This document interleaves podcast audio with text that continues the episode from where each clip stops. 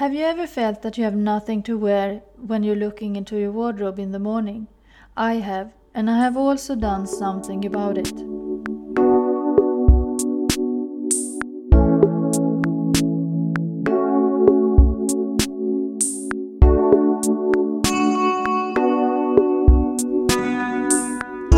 Hi there, I'm Ylva and I'm your host. This is an episode of my podcast Design the Simple Life and I will talk about the wardrobe. And please listen until the end, and I will give you a very interesting gift.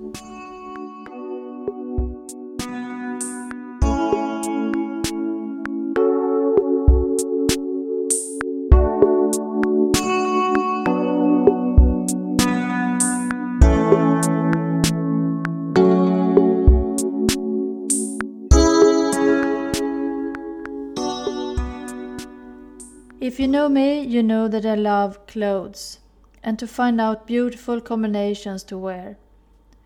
I have also designed and produced many clothes by myself, and that's a very fun thing because then I can choose exactly how I want it to look like and also the correct size. I'm also a big fan of looking at clothes in shops or at internet.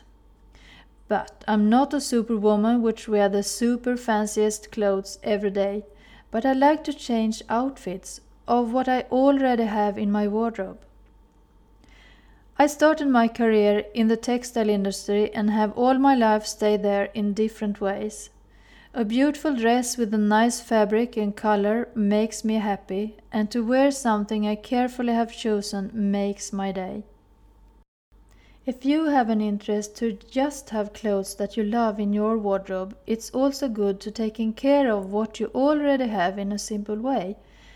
I mean, how you store them. You probably don't lay your shirt in a drawer. If you do that, you will get a wrinkled one in a minute. so the best thing is to store that kind of clothes at a hanger with some kind of softening on the top of the hanger. You know what I mean. If you have a big space in your home, you're lucky and can make a very beautiful space for your clothes. I don't have a big wardrobe space for the moment, so I have been forced to declutter many of my clothes, and that's also a very big relief. I have more harmony and peace in my mind now comparing to before, when I didn't know exactly what I have in the wardrobe. If you have too many clothes, you probably also buy unnecessarily copies and spend too much money of that kind of things you could have used in a better way. I tell you this because I have been there too. As a textile and clothing lover as I am, I have had too much in my wardrobe, so now I'm much happier when I look into my wardrobe. If you have decluttered your wardrobe, you also know better what you have to look at when you're shopping clothes. So now let's talk about detergent for clothes.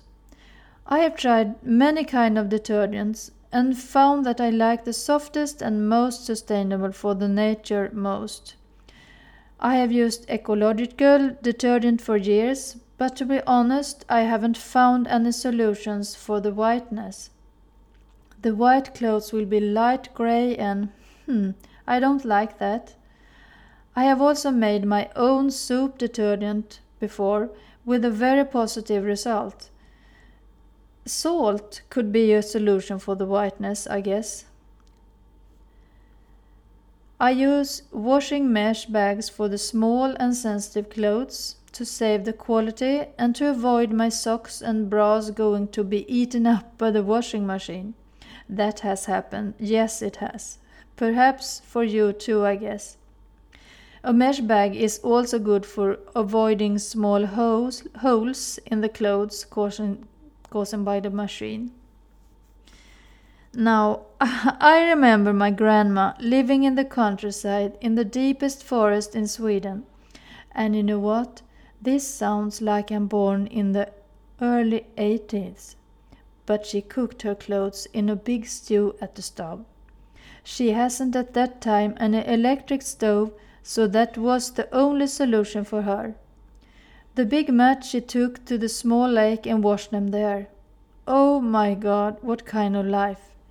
In the winter, she dried the clothes in the small house in the garden and they could stand for themselves because they were frozen. And all that is history nowadays. Luckily, us, we are living in another time. But when I'm thinking of her, I felt so much gratitude of how my life looks like. So if you may have a bad day, you can think of my grandma's life and hopefully feel slightly more happy. By the way, I have made a very interesting challenge for you during this strange corona time. I made it because it's perfect to do when you're at home, and if you're living in a lockdown country, this challenge could bring more peace into your heart. It is a five days challenge, all for free. I have made it just because I would like to help you out there come closer to a simple and harmonious life. Through the challenge, I will guide you declutter your wardrobe and come closer to your personal style.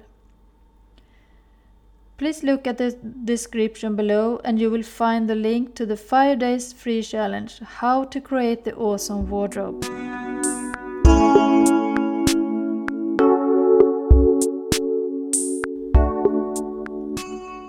You have listened to me, Ylva, at my podcast Design the Simple Life.